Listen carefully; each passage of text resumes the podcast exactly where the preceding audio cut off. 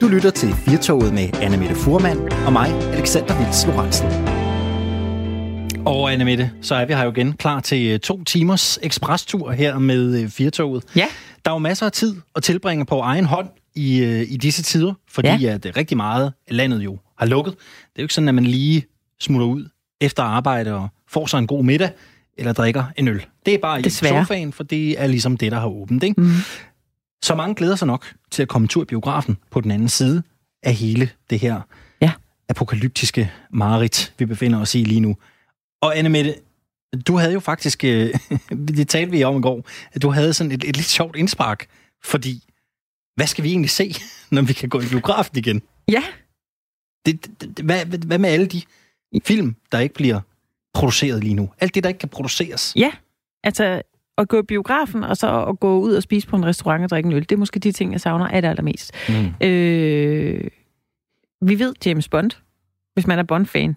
Det vil jeg godt sige, det er jeg. Det er jeg elsker Ja, alt skønne James. Bond. Ja. Den er jo så i den er blevet rykket til november måned. Ja. Der har den øh, premiere indtil videre. Det kan jo blive rykket igen. Øh, så er der øh, Top Gun med Tom Cruise. Mm. Den, den, har jeg, den er ret højt rated i, øh, i, mit lille, i min lille øh, bog for ting, film jeg skal se. Ja. Den er i fare. Den er, har premieredato den 26. juni øh, i Danmark. Og øh, hvem ved, om den bliver rykket? Og jeg ved faktisk ikke rigtigt, hvad det er, vi øh, ender ud i. Altså, om, øh, om de har en plan for, at vi skal til at se en masse gamle danske film, eller genindspilninger, eller hvad er vi ude i? Fordi alle filmproduktionerne, de er jo altså også sat i, øh, i bero. De kan jo ikke tage på optagelse lige nu. Tror, der der, er der jo- ligger en masse på lager. Altså en masse ting, der ikke har haft premiere. Ligger der en masse ting på lager, man bare kan sige, når vi åbner igen, Nå, men så har vi lige et par Ja. gode skud her. Ved du hvad, der kunne være sjovt, hvis, øh, hvis nogle biografer tog alle de film, der aldrig blev til noget, og så kørte en hel uge med dem. Det kunne være, at der lå nogle perler Det ved man jo aldrig. indimellem, som man synes var afsindigt gode. Det, det kunne kan være være. sjovt. Det kan være, at vi alle sammen skal ind og se øh, et hav af afgangsfilm fra filmskolen. Ja, Det kan være, at man skal smide dem Why en tur not? op på det store lærred. Ja.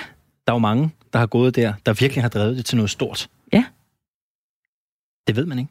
nej, jeg synes det, men vi bliver klogere på det øh, senere i, øh, i Firtoget, hvordan vi øh, kommer til at se film i, øh, i resten af, af 2020. Jeppe Tranholm Mikkelsen er en mand, som øh, måske ikke alle kender. Det er faktisk nok langt imellem dem, der ved, hvad den herre egentlig, øh, egentlig laver. Men øh, han har netop fået fem år ekstra som generalsekretær for det europæiske råd. Han er dansker, han er fra Nordjylland, og han er måske en af de vigtigste embedsmænd, som Danmark har ude i det store udland. Ham skal vi også tale lidt om i dag. Ja. For hvad er det egentlig, sådan en generalsekretær render rundt og laver? Og hvad betyder det egentlig for Danmark, at vi har en mand siddende på en af de absolut højst rangerede embedsmandsstillinger ude i verden? Ja. Det taler vi faktisk ikke nok om. Nej. Det vil jeg sige. Jamen, det gør vi ikke. Man ved det jo ikke. Det er jo det, er jo, det, er jo det her, at det bliver så, så fluffy. Der sidder nogle mennesker dernede. Det er jakkesæt. Vi hører nogle udtalelser. De der er en masse-. Ja. Der er en masse mennesker i kulissen. Vi aner faktisk ikke rigtigt, hvad er det så, du laver? Hvordan ser din dag ud? Hvad har det haft af betydning øh, for Danmark øh, og andre ting? Øh, så det er rart. Det er et portræt, de Det er, laver. er en vigtig funktion i EU. Vi en mand fra Nordjylland. Han lyder også som en arbejdsom herre. De fleste nordjyder, de Ja. kan jo et eller andet mere. Og, øh, De arbejder bare Ja. igennem. jeg havde engang en, øh, en nordjysk svigerfar. Han sagde, dem der, øh, dem, der spiser langsomt, de arbejder langsomt. Det var sådan, frokost, det skulle tjek på, ikke? Jo. Yes, lige akkurat. Nå, så man simpelthen ikke sidde og nyde maden mere. men en succesfuld herre, ikke? så han må vide, hvad han taler om. Ja. Øh, Man kan sige, Anne Mette, øh, vi taler med Søren Toft. Han er EU-kender og direktør i eget kommunikationsbureau, og, øh, og kender rigtig meget til institutionerne i EU. Ja. Ja. Han gør os klogere lidt senere.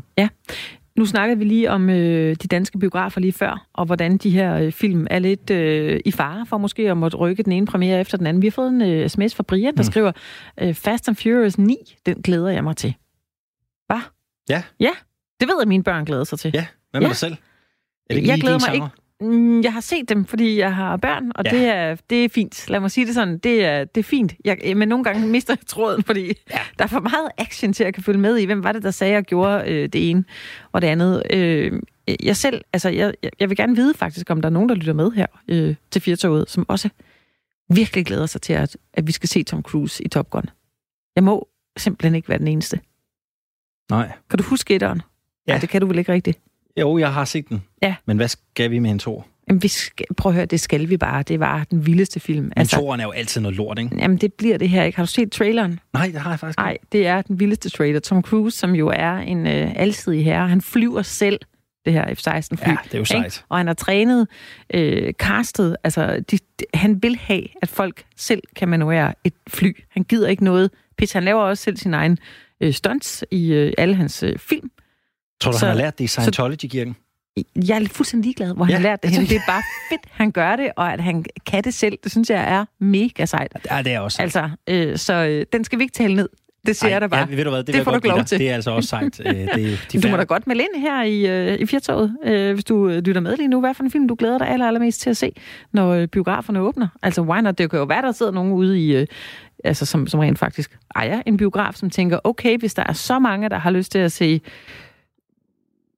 hvad, nu siger jeg bare noget, de grønne slagter, så kunne det jo være, at man lavede en, øh, en særvisning ja. af dem. Især i de her øh, drive-in-tider. Det kan ja. jo være, der også var noget, der kunne dukke op der. Ja. Og prøv at vi har talt om spøgelser, vi har talt om livretter, vi har talt ja. om toiletpapir, vi ja. har talt om alt det, det her program. Ja. Lad os da give det et skud. Det ja. synes jeg da. Det kan da godt være. Det kan da være, der er nogen, der får en... Øh, altså, det er altid godt det der med, når man bliver spurgt, hvad glæder du dig mest til? Så kan man ikke svare på det, fordi man har simpelthen ikke lige tænkt super meget over det.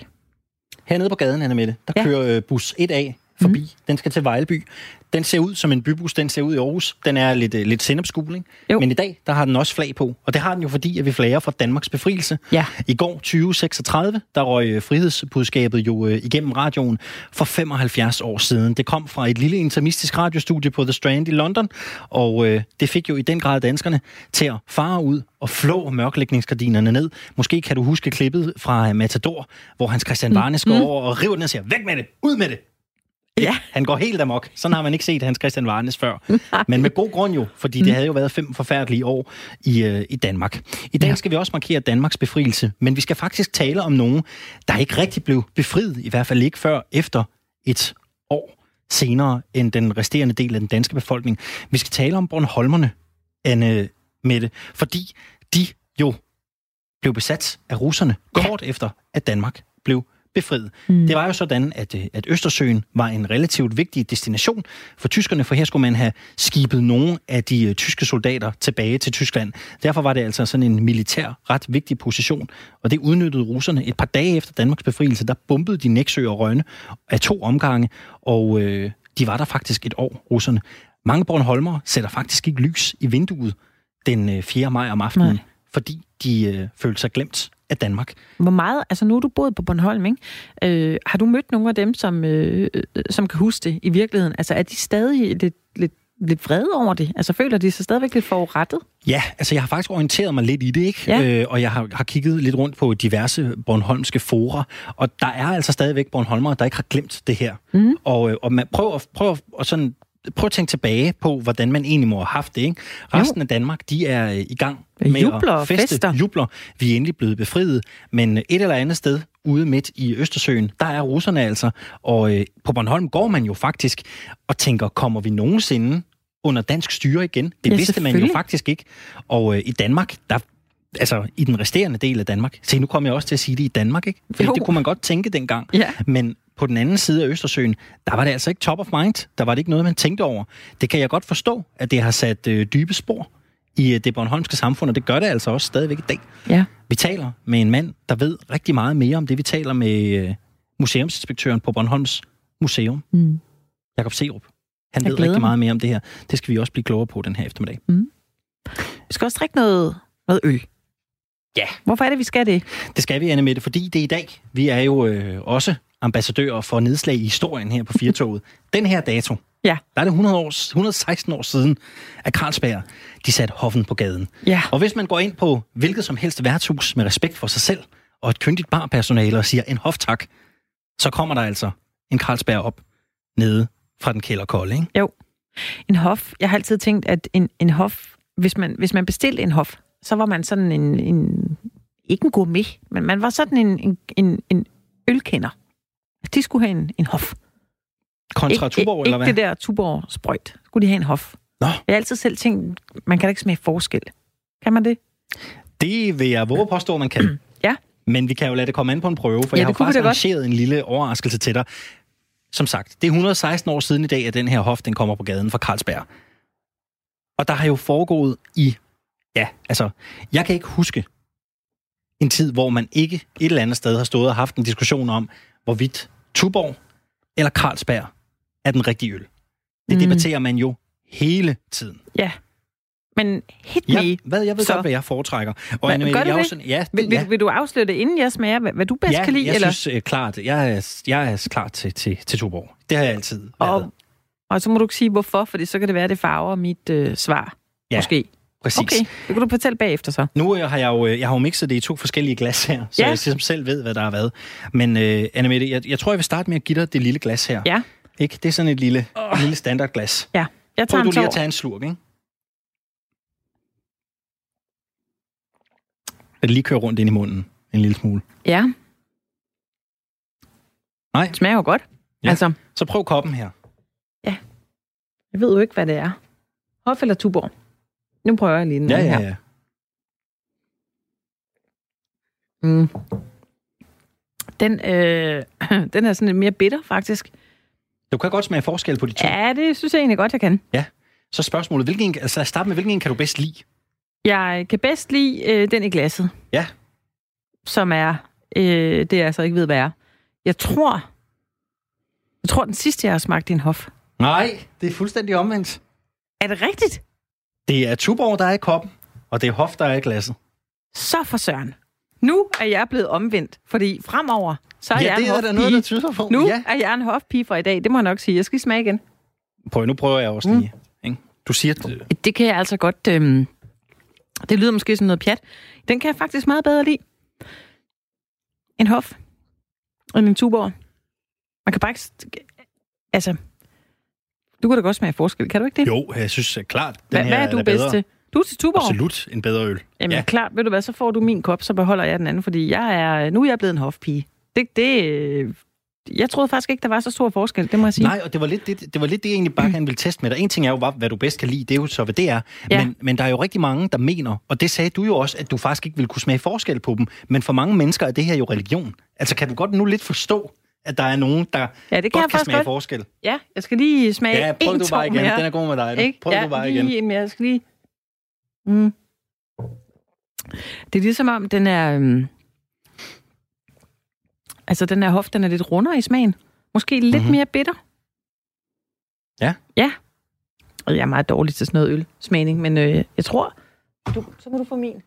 Jamen, jeg, ved du hvad, jeg har selv. Det, jeg har sørget jamen, for du kan selv. bare få resten. Så Det skal nu skal jeg jo det ikke have det sprøjt, skal jeg sige fra nu af. Jeg synes også, det er meget interessant, at du siger, jeg har altid tænkt, at folk, der går ind og beder om en hof, de er sådan lidt fine på den. Det er sådan en Det er fejnsmækker. det vigtige. Det var planlagt det hele vejen, har du. Du vidste sikkert udmærket godt, hvad det var, Nej. du talte om. Det gjorde jeg faktisk ikke. Øh, fordi jeg bestiller aldrig en hof. Fordi jeg tænker ikke, at det er, at man altid kan få en hof. Men, men det kan man jo så, ikke? Altså, det er vi der ude i. At Jo, den er lige så jo, jo, jo, almindelig jo. som Tuborg. Det kan man. Ja. Det kan man. Det er der ingen tvivl om. Mm-hmm. Mhm. Det er der ingen tvivl om. Anne-Mette. 116 år siden, at de satte den på gaden. Lige præcis. Og jeg ved jo ikke sådan, om du ellers er en... Øh, om du ellers er sådan en... altså, er du egentlig mest en øl eller en, eller en, eller en drinks, drinks vinpige? Øh, jamen altså, jeg kan altid godt lide en kold øl. Det må jeg sige. Jeg synes øh, helt klart, at jeg godt kan lide en, øh, en drink, men, øh, men åh, du ved, vin, man bliver så tung i hovedet, synes jeg, at, øh, at vinen, altså en iskold fadøl, ikke? på en havnekaj et eller andet sted, hvor man får noget godt at spise, Mm. mm. eller hvis man er til festival, eller til en koncert. Altså, der er næsten ikke noget bedre. En ting er helt sikkert, nu pakker vi øllet væk, Annemette, fordi ja. vi skal jo først til i gang. Velkommen indenfor til to timers aktuel eftermiddagsradio her på Firtoget. I studiet i dag, Annemette Furman og Alexander Vils Lorentzen. Er jo ikke onde bare fordi vi kører for hurtigt. Vi har travlt med at ændre verden for jeres skyld og alle de hamsterhjuls mennesker. Manden bag disse ord, det er kunstneren Christian von Hornslet. Han var i går i retten, fordi han to gange er blevet taget i at køre for hurtigt. Den ene gang kørte han over 120 km i timen, hvor man må køre 50 km i timen. Radio 4 Morgen i øh, morges, øh, der bestod af Dagmar i Møstergaard og Den Grønbæk, de talte med ham, hvor de spurgte, hvad det var, han skulle ændre i verden lige den dag, der gjorde, at han skulle køre så stærkt. Altså, det er jo, det, det er jo sådan en, en, øh, øh, en, en selvfølgelig er det ikke i orden at køre hurtigt i sådan nogle bebyggede områder, men jeg er jo bare en usel øh, sjæl, der på den ene side øh, lever det her egomaniske kapitalistiske, voldsomme øh, mig-liv, som brænder verden ned og ødelægger ressourcerne og vil have mere øh, overflod, og vi vil gerne, vi tænker kun på os selv, og vi skal bare frem, og vi kan ikke forstå, at loven skal holde os tilbage, når, jeg har, når der ikke er en, en levende sjæl på gaden, og man bare træder på sømmet, så er man sådan optaget af sig selv og sit eget. På den anden side, så øh, drømmer jeg også om fællesskabet, og respekten for hinanden og glæden og ved at kunne skabe noget stort sammen. Så jeg, det, var, jeg, det var simpelthen bare for at give udtryk for, at jeg er en, et usel menneske, der er dybt splittet over at være her. Altså, og derfor tænker jeg, at, øh, at øh, det, man er bare nødt til at, at, at, at prøve at leve i den her verden. Og, og når, man, når man står der i retten og skal øh, øh få en pegefinger øh, løftet over for sig, så, så reagerer man bare. Jeg bliver provokeret af det system, og så var der en journalist, der spurgte mig og sagde, nej, vi er nødt til at, at, at være mere rummelige på en eller anden måde. Jeg aner ikke, hvordan. Men altså, Christian, jeg, jeg, skal lige, øh. jeg afbryder lige kort, Christian von Hornslet, fordi øh, vi, vi har lige lidt, øh, lidt bøvl med din mikrofon. Jeg ved ikke, om den går imod et skæg eller en skjortekrav eller noget af den stil, men jeg skal lige bede dig om at sidde helt stille med mikrofonen i hvert fald. Så, øh, så, kan høre mig nu? Ja, det er bedre nu. Og så, øh, yes, perfekt. Øhm. Christian von Horslet, øh, vi går tilbage til, øh, til interviewet her. Vi skulle lige have styr på, på lyden, og tak fordi du lige ville øh, hjælpe med det. I retten, der gav du udtryk for, at nogle mennesker, øh, de har brug for mere frihed end andre. Mener du, at du skal have friheden til at køre for stærkt? Jeg mener, at, øh, at det, nej, selvfølgelig skal jeg ikke det, men jeg siger, prøv, det jeg prøver at sige, det er, at det er bare svært for øh, for mig at leve i den her verden, som, som er på den ene side, øh, hvor jeg bliver opfordret af et system og en historie til at være egomanisk og være, øh, øh, hvad skal man sige, kapitalistisk og egoistisk og, og, og bruge løs af ressourcerne og brænde planeten ned, så jeg kan få en større bil og køre endnu hurtigere og tænke endnu mere på mig selv. På den anden side, så er jeg jo dybt splittet, fordi jeg, jeg tænker lige så meget på fællesskabet, de små børn, der går på gaden, og socialstaten, og vi skal alle sammen passe på hinanden og sådan noget. Og, vi, og alle de mennesker, der kan forstå og kan finde ud af at leve i det her meget tættede Excel-ark, de her hamsterhjulsmennesker, som har det fint. Lad dem gøre det, men det, jeg har det bare svært ved at indordne mig, og det, det, det, det var det, diskussionen handlede om jeg, jeg beundrer jer, der kan leve og opføre ordentligt og høre Michael Jackson og høre radio kl. 6 om morgenen og gøre, hvad der skal blive, bliver sagt. Så det, det er jo mere sådan en generel betragtning af, hvordan er der at leve i et meget øh, sådan styret, øh, velfungerende miniput-stat. Ikke? Christian von Hornslet, hvordan opfordrer kapitalismen dig til at køre for stærkt? Med at, at tænk på dig selv, gør det, hvad du vil. Livet er til dig, du skal bare give den los, du skal bare, holde, du skal bare gøre, hvad du vil, fordi det handler om dig, og du skal have din iPhone, det er mig, det er min egen ting, det er mit liv, det er mit, det er mit eget verden, min, det, det, og, og du, det, det, du kan se, bare kigge ud i, i landskabet med, med reklamerne omkring os, det opfordrer os jo til at, at være øh, køb mere, gør mere, du er bedre, du er god. Du, det hele den her spiral af kapitalisme, som vi lever i, som er, øh, som, det, det tragiske er, at den har bragt os så meget godt, også med teknologi og så videre, så videre. Men, men, men på den anden side har den, er den også grund til, at vi har en kæmpe klimadiskussion, og øh, der er men, affald og forurening overalt. Ikke? Christian von Hurst, det er vel derfor, vi så har nogle regler og nogle love, som vi jo så skal overholde til at begrænse os. Gælder de regler ikke også for dig? Jo, det gør det da selvfølgelig, men jeg udtrykker bare, at jeg river og flår mig i spændetrøjen, men I, I, I, I ser det ud til at nyde det fint. I har det godt, ikke? Men, I, I, I, men det handler vel ikke så om det, altså, kan direkte... Ikke, man har jo alle mulige måder at lave oprør på, og det, og det gør du jo også igennem din kunst, som også skal fremvise nogle ting, Christian von Hornslet. Men kan man ikke både være egoist og kapitalist og øh, megaloman og alle de her ting, og stadig overholde fartgrænsen, eller være med at køre dobbelt, over dobbelt så stærkt, som man må? Jo, og så igen, det er jo et, alt det kunst, jeg har gået og lavet, det handler jo også om at, øh, at være, hvad skal man sige, modsat, øh, hvad hedder det, omvendt psykologisk, ikke? Når jeg giver en banan til mine børn, så siger jeg, vil du have et æble? Nej, det er ikke et æble, ikke? Altså hele tiden, og så, al min kunst handler om at vække folk, vække følelser, vække mig selv op, og, og, der, og, og, og i ordets oprindelige betydning, at det at provokere, det er jo at have en vokation, det vil sige, du har et kald, og så er du proaktiv. Det vil sige, du rejser en debat med dig selv og den verden, du lever i. Og jeg, jeg siger bare, selvfølgelig skal der være regler, og jeg tager min straf med ære og med glæde over systemet, men jeg, jeg river mig i spænden, tror jeg. Synes, det er egentlig er da, da du... mærkeligt, vi lever i den her meget overstyrede regelverden. Når jeg kører på den her gade, for eksempel den dag der, der var ikke et øje på vejen. Hvorfor skal jeg køre 50, når der er fuldstændig tomt? Ikke? Så da du altså, kørte over 120 km i timen på den her strækning, du, du taler om her, hvor man egentlig måtte køre 50, så var det en, en ren og skær provokation? Muligvis, fordi jeg, jeg, jeg, jeg bestemmer over mig selv, troede jeg. Og der er ikke nogen mennesker om der i Miles omkreds, der var tomt. Jeg kører efter forholdene. Jeg kører kun meget, meget stærkt, når jeg er i Tyskland. Ikke? Men altså, det, det, det, det, det var bare det der, den der splittelse, men jeg ved ikke, om du kan følge mig, at, hvordan, det, hvordan det er at være menneske i den her regelstyrede verden. Er du ikke bange for at slå nogen ihjel, når du, når du kører så stærkt? Jo, selvfølgelig. Jeg, jeg, jeg, og det, det, mit udsagn var jo også en slags provokation til at, at, at diskutere de her øh, øh, mennesker, fordi specielt jeres generation er jo sådan en, en iPad-generation. I har fået, I er fuldstændig glatte, og I har ikke noget, gør ikke noget oprør, I har ikke noget at slås for, Christian I har ikke noget at gøre. Nu, nu, jeg stopper dig lige, fordi jeg vil lige høre, når du nu engang er bange for at slå nogen ihjel, når du kører så stærkt, hvorfor gør du det så? Fordi der ikke var nogen på gaden den dag. Hvad hvis der er gået et barn ud fra et af husene? Altså 50, det er jo et sted, hvor der er byzone. Det er jo sådan noget, hvor der er hus. Ja, men den, der, hvor jeg kører, der, det kan vi så diskutere, altså, men det er jo selvfølgelig... Er og det, det, kan, det kan vi jo faktisk ikke, fordi der er jo faktisk lavet nogle fartgrænser, fordi man jo netop vurderer, at det er en byzone. Ja, men det, I lever fint med de regler, så værsgo. Altså, og det er jo, jeg burde også leve med dem. Jeg, I er bare ikke så et godt menneske, som I to er. Jeg, jeg er et forfærdeligt splittet øh, møgdyr af et menneske, som, som lever i den her verden, verden, og jeg er født af den her verden, og skabt af den her verden. Ikke? Og den Derfor her verden, tidligere, tidligere i år, der fremlagde regeringen så et udspil, der skulle øh, forhindre vanvidsbilister, altså bilister, der kører over 100% for stærkt, øh, de skulle have konfiskeret bilen, og det skulle koste 20 dages øh, fængsel. Her der kørte du jo sådan set også over 100% for stærkt, fordi du kørte i en 50 km zone, hvor du kørte over 120. Ville, ville det have fået dig til øh, ikke at køre for stærkt? Ja, selvfølgelig. Jeg, jeg, jeg lever også, jeg har også små børn selv. Jeg, jeg, men jeg, jeg, jeg taler mere som en teoretisk be, betragtning af, hvordan er der at leve i sådan et stærkt regelbundet samfund det, generelt. Så jeg overfortolker det, og sådan er det bare.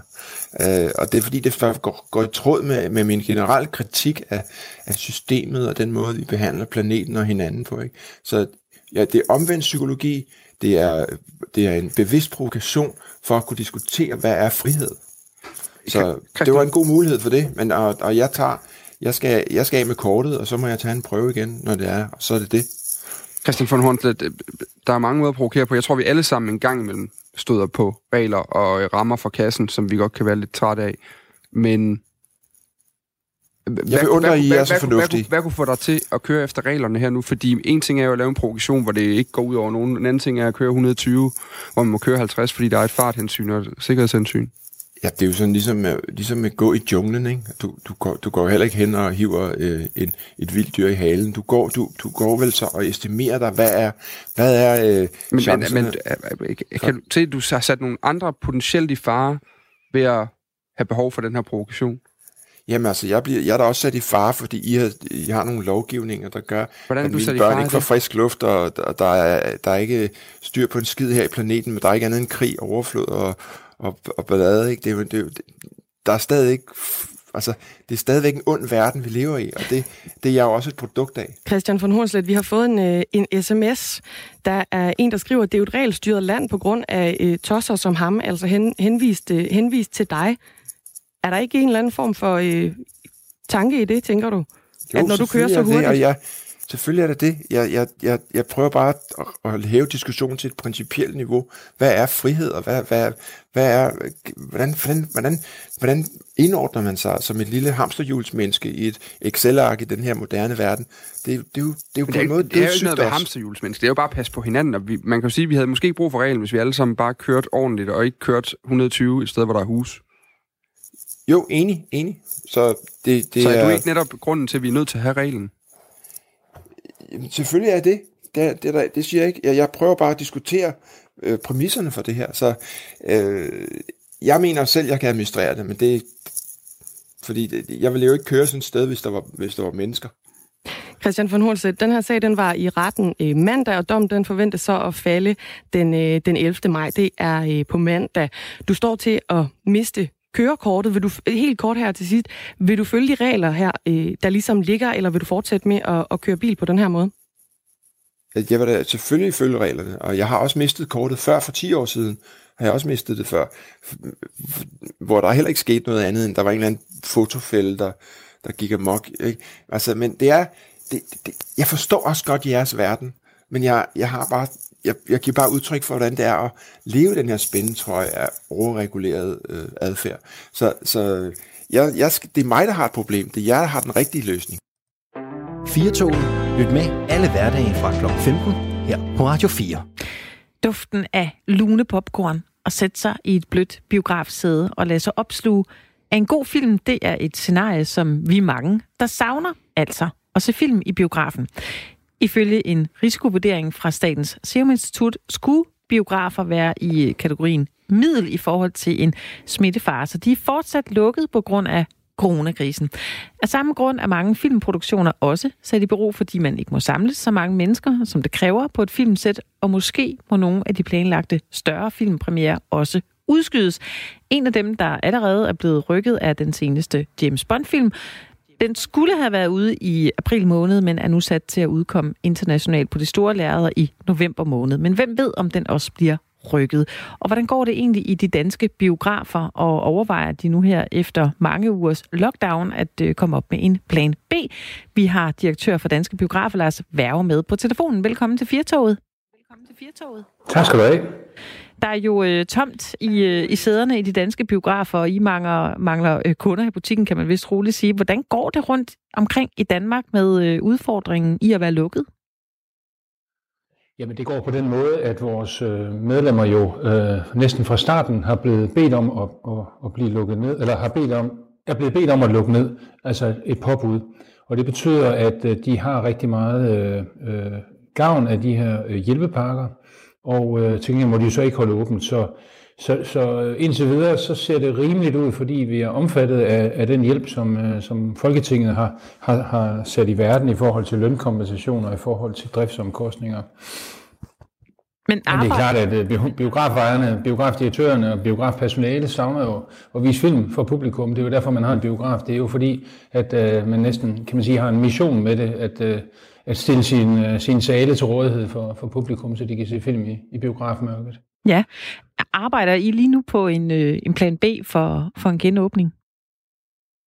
Ja, altså vi har jo en, øh, vi har forskellige scenarier og strategier i gang i forhold til, øh, når vi på et tidspunkt må åbne. Vi ved ikke nu, hvornår det bliver. Øh, vi har nok ikke nogen illusioner om, at det bliver i næste uge, når, når, når næste fase kommer. Det tror vi, synes vi når vi tolker på det, som der er blevet sagt fra statsministeren og andre side, ikke lyder realistisk. Men øh, på den tidspunkt, så øh, må vi jo gå ud fra, at øh, så får vi lov at åbne igen. Og til den tid har vi jo selvfølgelig sådan nogle strategier, vi arbejder på. Øh, det kunne være øh, i forhold til, øh, hvordan man besætter øh, programmet. Biograferne har jo rigtig mange øh, film og, og rigtig mange filmvisninger i løbet af en dag.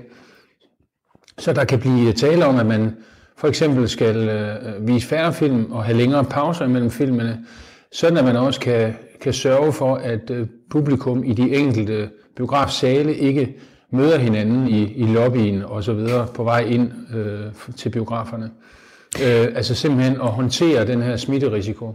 Ja, fordi det gør man jo blandt andet hos, øh, hos DSB, som, som øh, har x antal billetter, man øh, kan købe, så man ikke kommer til at sidde øh, alt for tæt. Jeg skal lige høre, vi har talt lidt om det, Alexander og jeg tidligere her i programmet, om der er nogle større filmpremiere, som jeg allerede nu kan se, er nødt til at rykke deres øh, premiereudgivelse.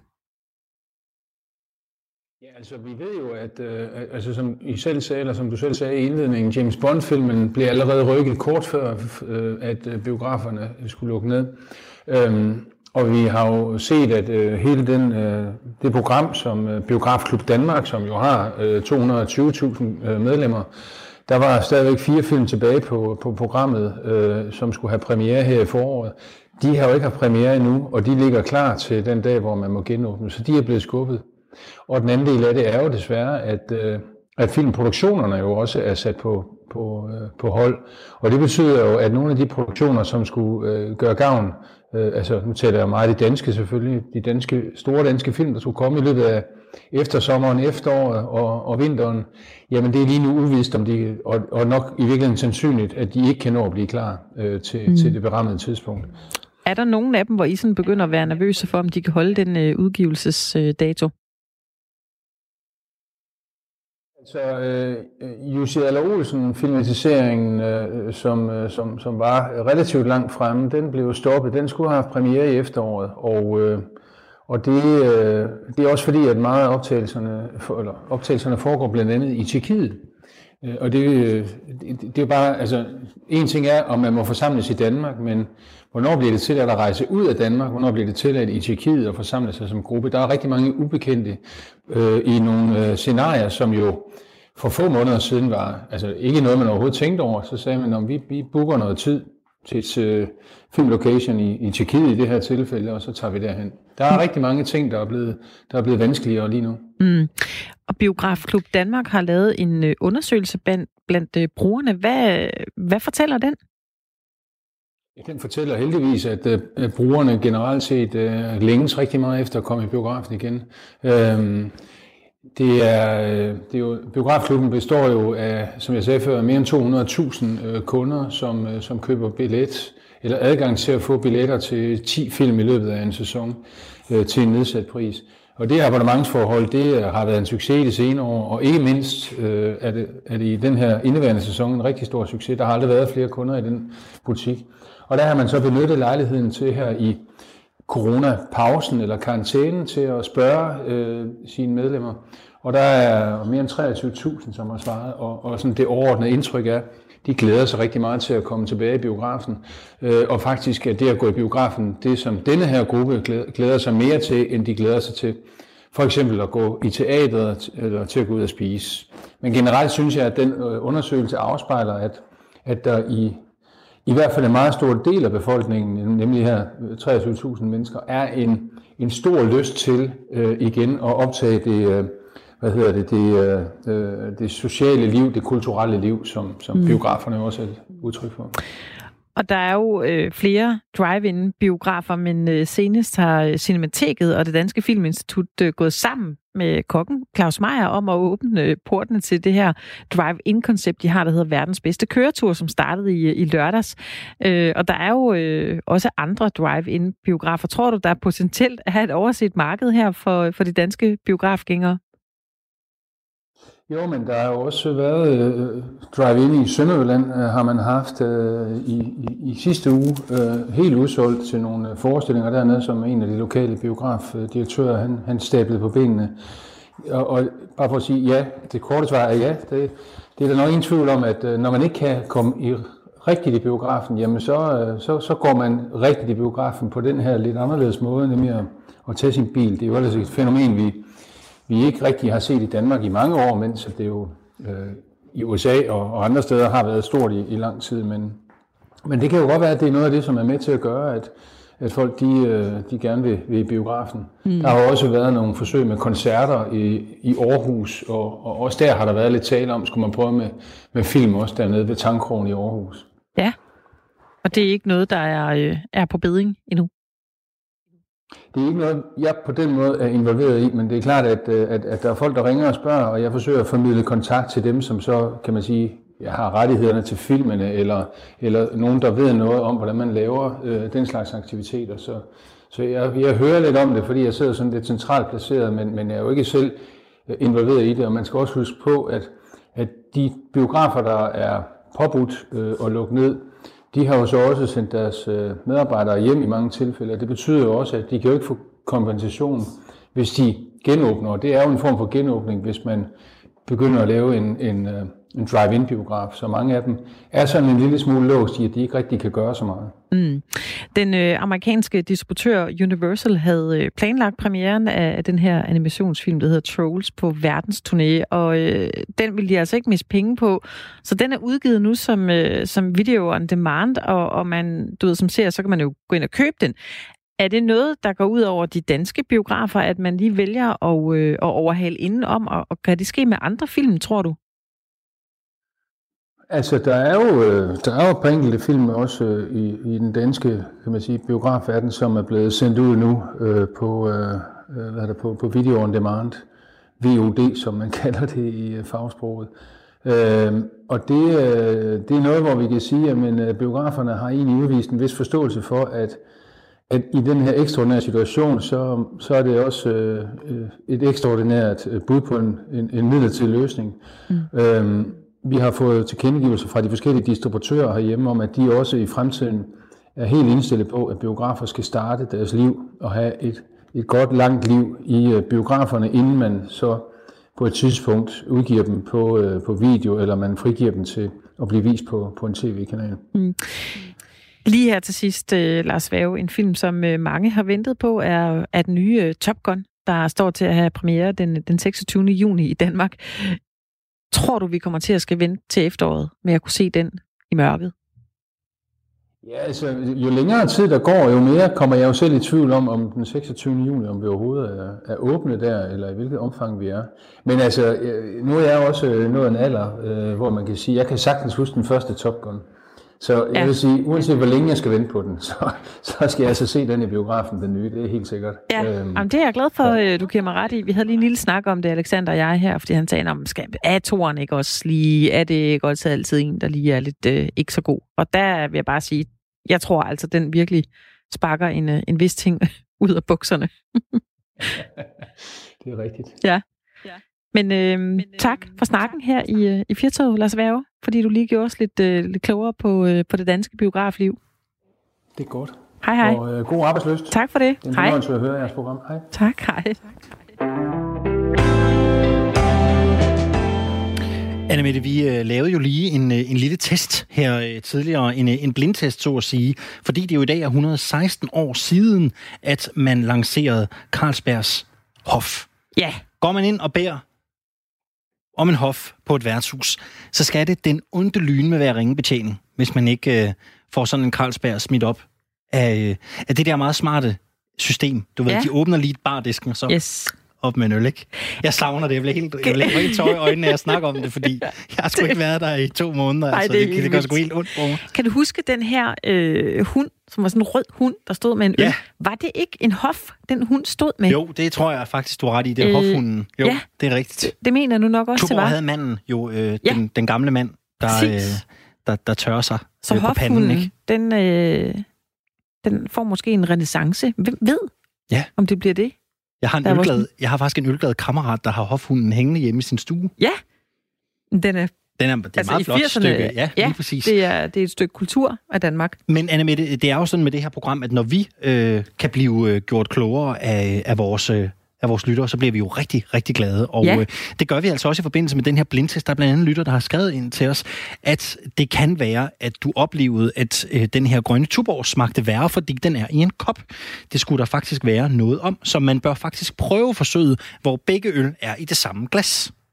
Altså ikke ah. i det samme ah. glas, men ah, ja, to ens glas.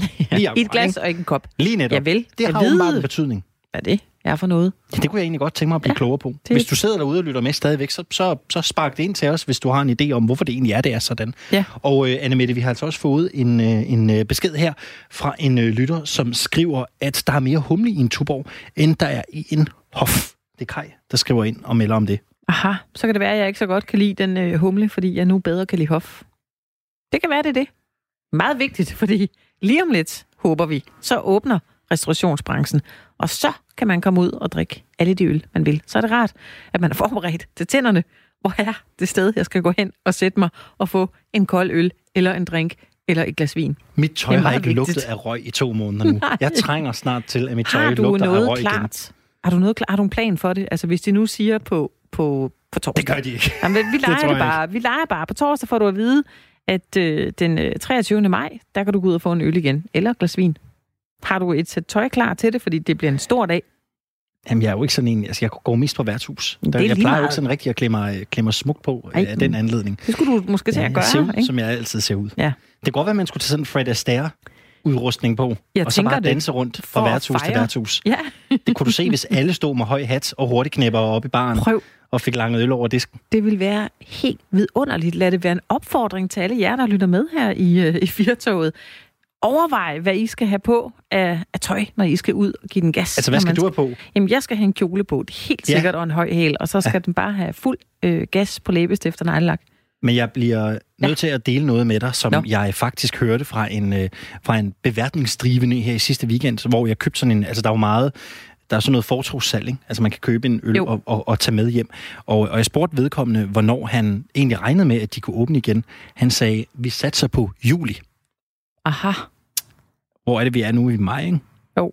Ja, den vi tager lige to måneder mere, ikke? Lang. Jo, ja. juli måned. Det er jo helt uvidenskabeligt. Det er jo bare ja, en, ja. en mands egen mavefornemmelse, ikke? Jo. Men øh, forestil dig det til juli, ikke? Jo. Skål på den. Men så har du god tid til at finde det helt rigtige tøj. ja, det kan være, at det skal være et par shorts.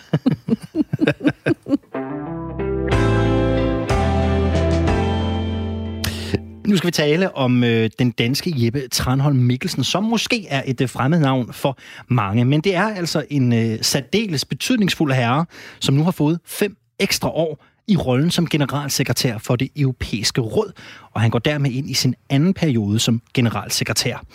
Det er mange blevet beskrevet som den vigtigste embedsmandspost, Danmark har i udlandet, men alligevel så er der altså mange, der ikke ved, at han eksisterer, og hvad han egentlig laver. Det er en god øh, herre fra Nordjylland. Han er 57 år gammel. Annemette, det øh, talte vi jo om lidt tidligere i programmet i dag. Og nu har vi ringet til en, som kan gøre os lidt klogere på, hvad der egentlig er tale om for en rolle og en mand. God eftermiddag og velkommen til dig, Søren Toft. God eftermiddag. Du er øh, solid kender af EU-systemet, og så er du direktør i dit eget kommunikationsbyrå Toft Kommunikation. Når nogen hævder, at Jeppe Tranholm Mikkelsen i rollen som generalsekretær for det europæiske råd er den vigtigste embedsmand, Danmark har i udlandet. I hvor høj grad har de så ret? Jamen, de har i høj grad ret. Øh, primært fordi, at posten jo øh, er vigtig i kraft af, at det europæiske råd øh, er det sted, hvor stats- og regeringslederne i Europa, altså i EU, mødes for at træffe de, de vigtigste beslutninger, de vigtigste politiske beslutninger på vegne af øh, de cirka 350 millioner borgere, øh, og øh, som, som øh, er medlem af øh, EU. Og det er ligesom det, øh, det, altså han sidder, kan man sige, direkte ind i det, i, i, i centret af, af det, det her maskinrum, øh, som hedder øh, det europæiske råd. Og, øh, og de mødes øh, nu med øh, ja, hyppigere og hyppigere øh, regeringslederne. I, I gamle dage, i 80'erne og 90'erne, så var det ret sjældent, at de mødtes en gang, måske hver halve år. Men nu, øh, som I sikkert selv kan huske, ikke? Altså, de mødes jo øh, i øjeblikket jo nærmest hver 14. dag, hver tredje øh, på, øh, til, til, til forskellige øh, øh, møder omkring coronakrisen, og, og det har været øh, et, et vigtigt og vigtigt organ, og derfor er det så vigtigt, at man har kan man sige, den højeste embedsmandspost i øh, den her institution i EU. Og hvad er det, hans, hans arbejdsopgaver går ud på, Søren Toft? Hvad, hvad, er det ja. egentlig, hvad er det egentlig, hans hverdag består af? Jamen, han er jo leder af øh, de øh, ja, der er jo omkring 1000 embedsmænd i, øh, i øh, råds og dertil hørende øh, jo også øh, ikke bare embedsmænd som akademikere, men også jo øh, med oversættelse og tolkefunktion, med sikkerhedsudstyr, altså hele sikkerheden omkring stats- og regeringsledernes møde. Og øh, selvfølgelig også øh, først og fremmest er det jo at deltage i selve møderne. Der er ikke andre, der deltager i de møder.